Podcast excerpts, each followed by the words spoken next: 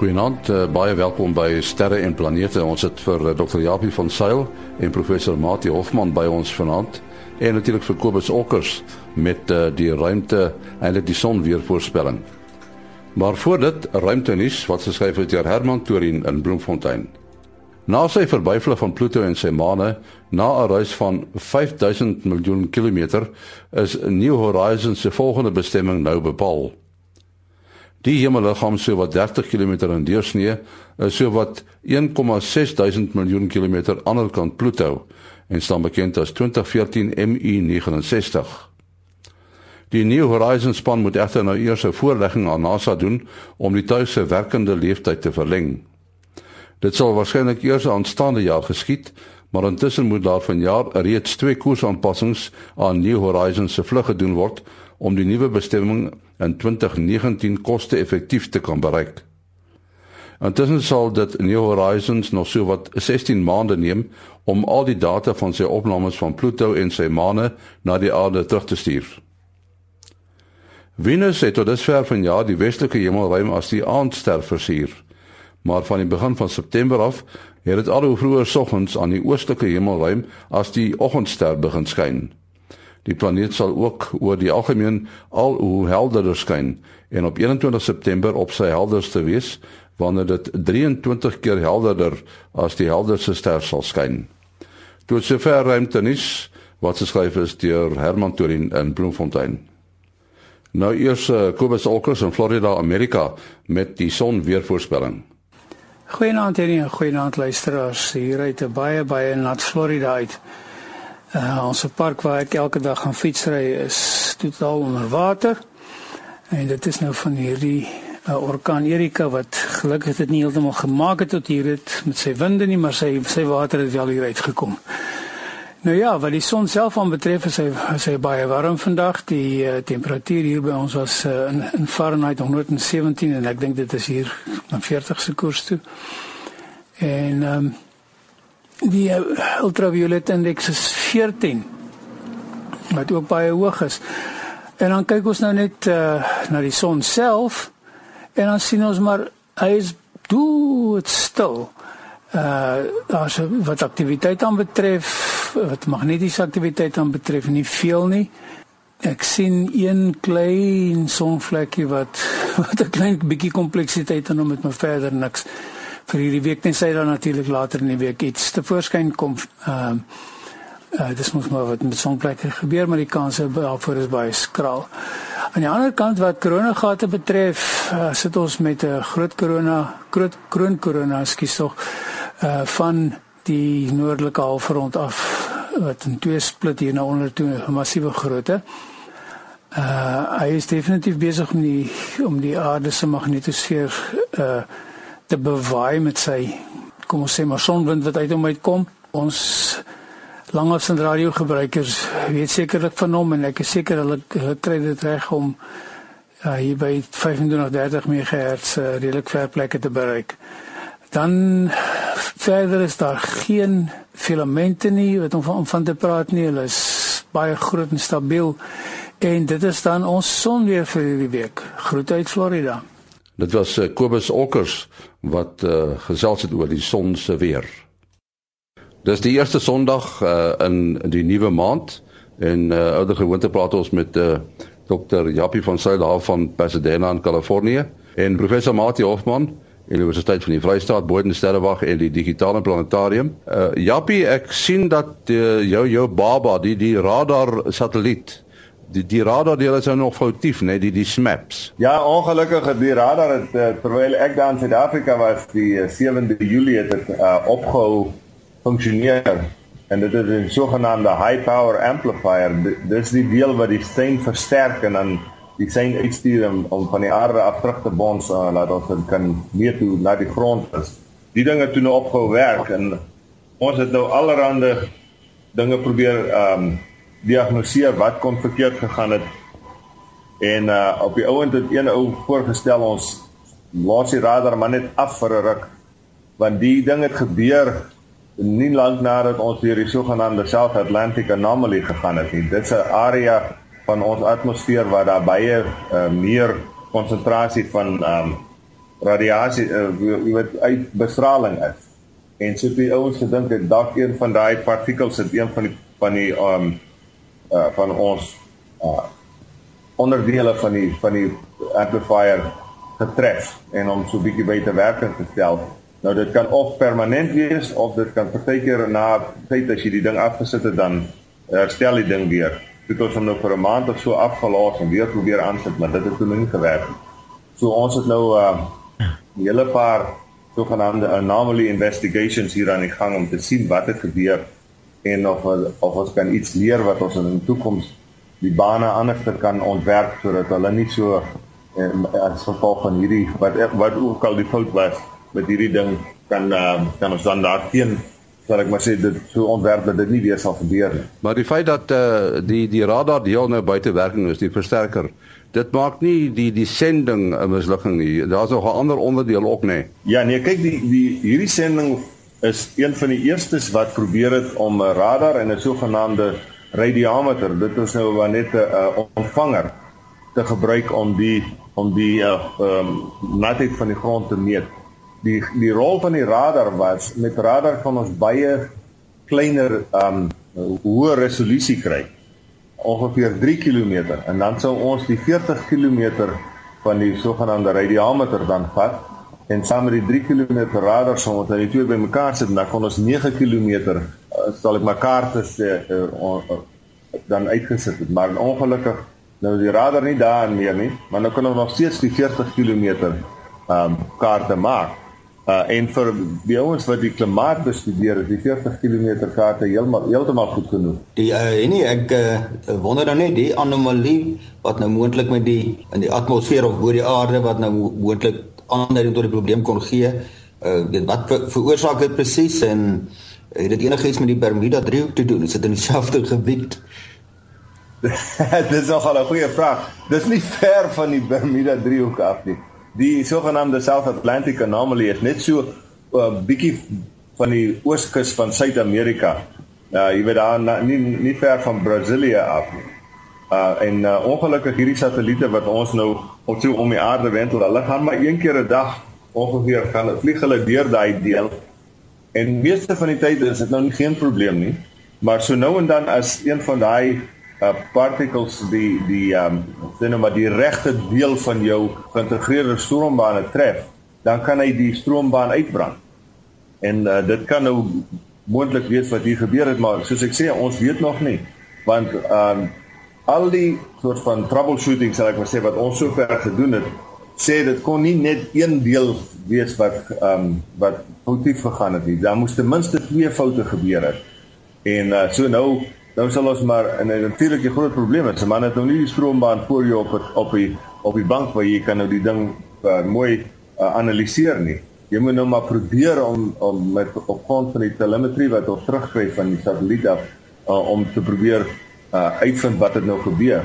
En ons het allerhande paaie probeer, allerhande so ons noem dit 'n fishbone analysis wat jy doen. Dit is amper soos 'n soos 'n boom. Jy begin jy sê as hierdie ding verkeerd gegaan het, dan moet jy dit te sien en dat te sien en nou kyk ons nou of ons daai goed sien en as jy nou nie goed sien nie kan jy nou sê wel hierdie tak het nou nie is nie nodig om verder te kyk nie. Maar soos ek sê ons het almal gegaan en niks niks kan ons kry wat wat sê die ding moet die moet sal ek maar sê nou die die syne vir ons stuur wat ons nou kry nie maar die feit bly staan ons kry geen syne terug nie so ons ons stuur baie duidelik nie meer radar syne uit nie so. En uh, beteken dit nou dat dit daai deel afgeskryf is? Jy gaan hom nie weer probeer aansit nie. Ja ons sal seker maar so um, jy weet by, by JPL is dit baie keer 'n geval van manne sit vir ten minste 'n jaar of so soms nog in in probeer om uit te uitvind wat verkeerd gegaan het. En dit het al gebeur dat ons na 'n jaar of twee ten minste 2 jaar nadat die ding verkeerd gegaan het het die ouens op die ouend uitgefigure wat is verkeerd en hom weer aan die gang gekry. So ek sou nog nie sê ons is heeltemal dood nie, maar op op hierdie stadium het ons nou besluit om aan te kondig dat ons nou nie die radar ehm um, deel van die sending uh sal ek maar sê meer op vertrou om om die kaarte uit te sit. As ons hom weer aan die gang kry, sal dit nou soos hulle ou soos hulle sê maar nou die icing op die cake wees, jy weet, maar ons sal hom maar so in die agtergrond nog steeds probeer uitvind wat dit aangaan.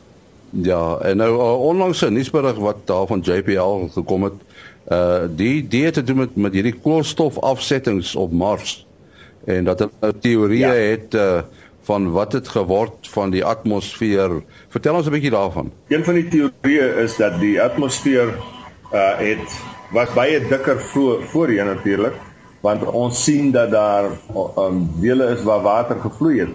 Vandag is die atmosfeer op Mars so dun dat water nie op die oppervlakte kan bestaan nie. Hy verdamp dadelik sodra dit water vorm. Uh wat die ouens toe nou gedoen het, is hulle het gekyk na die hoeveelheid koolsuurgas wat in die atmosfeer is. Nou koolsuurgas word opgeneem deur deur op die aarde byvoorbeeld kan jy koolsuurgas in in uh, limestone en so aan die sogenaamde carbonate ehm um, klippe optel. Nou kan jy nou meet hoeveel koolsuurgas is in hierdie of of uh ehm um, hierdie carbon molekule, hoeveel van hulle is in hierdie klippe? En wat hierdie ouens nou gedoen het is hulle het 'n redelike groot neerslag van hierdie klippe bestudeer op Mars en gekyk hoeveel van die koolstof molekules is daarin. En uh hulle hulle het nou besluit dat dit is nie genoeg om so 'n dik atmosfeer te gehad het nie. Nou dit beteken nie dat daar nie 'n dik atmosfeer was nie, maar dit beteken net ons kan nie op grond van net hierdie neerslag van hierdie klippe uh, genoeg van daai klippe sien op vandag nie. Nou soos hulle gesê het in die in hulle analise dat dit is moontlik dat van die klippe nog onder die oppervlakte is. Maar dit is redelik onwaarskynlik want die die vloeipatrone is nie so lank terug in die geologiese geskiedenis van Mars nie. So dit is redelik onwaarskynlik. So volgens hulle uh um analise beteken dit dat daar nie so baie koolsuurgas, met ander woorde nie so baie digte atmosfeer was en min of meer die tyd wat die riviere sal ek maar sê wat jy kan sien op Mars uh daar was nie. So maar soos hulle in in hulle in 'n analise gesê het is dit kan nog steeds met ys uh, oortrokke gewees het. En dan in elk geval as die ys so bietjie smelt onder jy weet die ys dan uh, kan van die water vloei en hierdie soort van patrone veroorsaak maar ek skat ons sal nog baie jare stry oor hoe lank die atmosfeer op Mars was en uh en wanneer dit op die ou en dinner geraak het want ek dink nie ons het nog genoeg inligting om werklik te kan vasstel wat het gebeur nie. Is daar 'n korrelasie tussen gravitasie en atmosfeer? Jy het 'n sekere om 'n atmosfeer te behou op 'n planeet, het jy ten minste 'n sekere grootte, met ander woorde 'n sekere sekere gravitasie nodig. Dit is wat ons altyd kyk byvoorbeeld as ons nou hierdie uh, sogenaamde eksoplanete bestudeer. Uh daar is 'n sekere grootte en 'n sekere digtheid. Uh, as jy die twee nou bymekaar sit, dan kry jy natuurlik nou die gravitasie. Uh dat wat jy moet hê voordat jy 'n atmosfeer om 'n uh, om 'n planeet kan behou. So ja, daar is 'n korrelasie tussen hierdie twee. Uh, nee, om, om nou daarbey aan te sluit as mens nou uh, dink aan die aarde en aan Venus, uh min of meer dieselfde grootte en dis gravitasie, maar die atmosfeer is heeltemal verskillend. Uh, Venus is nader aan die son, maar ten spyte daarvan van die son wat dalk sy atmosfeer wil wegdryf, het hy 'n baie digter atmosfeer. Uh so lyk my nie dit is so eenvoudig nie, maar in elk geval uh, as 'n voorwerp baie klein is, dan sal hy nie 'n atmosfeer kan hou soos wat uh, wat Japie sê. Ja, dit is dit is maar dis dis nie dis nou ongelukkig nie so eenvoudig. So ons het nou al baie keer uitgevind, net soos jy nou dink jy verstaan die storie dan, dan kry jy nou 'n ander planeet soos hy nou uh, daarop uitwyse, ehm um, Venus in die, in die aarde. As ou nou by Venus verbygery het, so jy nou gedink het jy jy weet nou min of meer hoe dik 'n atmosfeer so 'n groot planeet kan hê. Dan kom jy by die aarde verby en sien dit vat nie so goed nie. En uh maar so al hierdie maane en so aan wat ons van praat om op te om verder te gaan bestudeer. Hulle is almal te klein om 'n atmosfeer om hulle te hou. So hulle is die sogenaamde airless bodies waar jy nie eintlik 'n atmosfeer om hulle het. En dan so ietsie hoor want jy het nou al baie daaroor gepraat tydens jou aanbiedings en so aan die die sogenaamde waterspuite op Enceladus, die uh die maan van Saturnus, nê. Nee. Nou uh, het het het julle ja. besluit om nou daai projek te doen. Ons gaan nie op die op die oomblik het ons nog net 'n voorstel gemaak om Enceladus te gaan bestudeer. So uh en om om wel verby Enceladus te vlieg en te kyk of ons van die water wat uh uitspuit. Kyk, ons het met die Cassini uh satelliet deur hulle gevlieg en uh, dit is dis hoe ons weet dit is water maar ons het nie van die water gevang nie. Ons het dit net uh, met ons instrumente bestudeer. Die die voorstelling wat ons nou gemaak het is om deur een van daai spuite te vlieg en van die water te vang en dit terug te bring aarde toe. Sodat ons dit hier baie beter kan analiseer. Maar ons sal nog nie weet tot einde van September. Dit is natuurlik 'n hoë risiko tipe van 'n van 'n ehm um, sending daai. Maar ons het NASA het nou reeds besluit en reeds vir ons geld gegee om te bestudeer uh vir 'n sending na Europa toe. En daar daar is um, op die oomblik nog 'n bietjie uh sal ek maar sê bietjie stryery in die gang, maar dit lyk asof die Hubble uh, teleskoop gesien het uh, so jaar of twee gelede dat daar wel sulke spuite op Europa ook aan die gang was. En as dit nou die geval is, dan kan ons heel waarskynlik uh, by Europa verbykom en ook van die water probeer op die manier bestudeer. Uh, ja, ek kon nou uh, net oor die water hoor. Ek het nou al uh, gesien dat in die ruimte stel die mense baie belang in die isotoopverhoudings, tussen byvoorbeeld deuterium en gewone waterstof, weer die twee uh volopste isotope van waterstof uh want dit bevat belangrike belangrike inligting.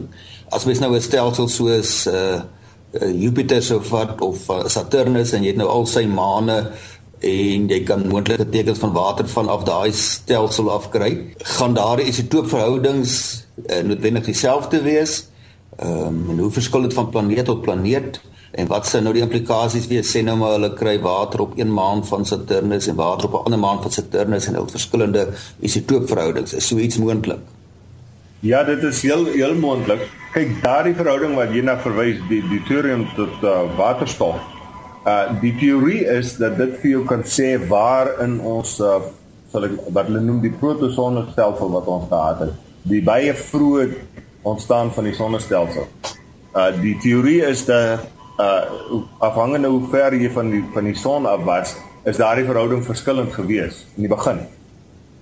So deur nou die hierdie soort van maane en sovoorts asteroïdes, komete en so aan te bestudeer gegrond van op wat daardie verhouding is, vermoed hulle dat ons dan kan sê waar het hierdie voorwerpe gevorm. So dit sal nou 'n baie interessante ding wees as ons byvoorbeeld om Saturnus gaan en ons kry daai twee maane wat verskillende verhoudings het, want dan sal dit die implikasie van dit is dat een van die maane op 'n ander plek gevorm het en dan deur Saturnus gevang is op die op, op een of ander tyd.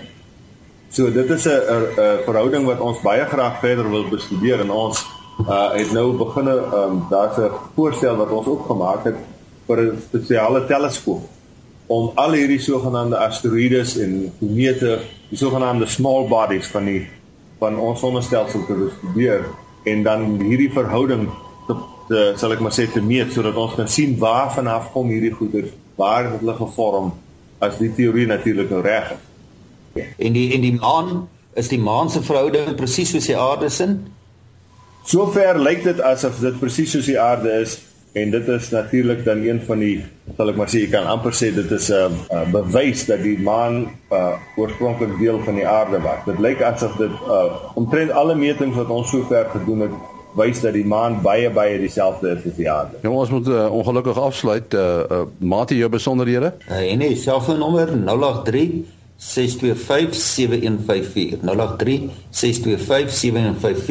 my selfoon werk weer na ek 'n rivier in Amerika geval het.